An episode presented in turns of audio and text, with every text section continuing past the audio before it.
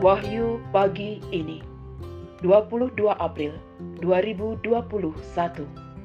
Mazmur 66 ayat 16 Marilah dengarlah hai kamu sekalian yang takut akan Allah.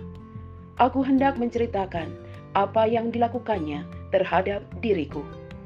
Saudara-saudari terkasih Pemazmur bersyukur karena pertolongan Allah dalam hidupnya marilah kita, Anda, dan saya juga berusaha menceritakan kebaikan Allah dalam hidup ini.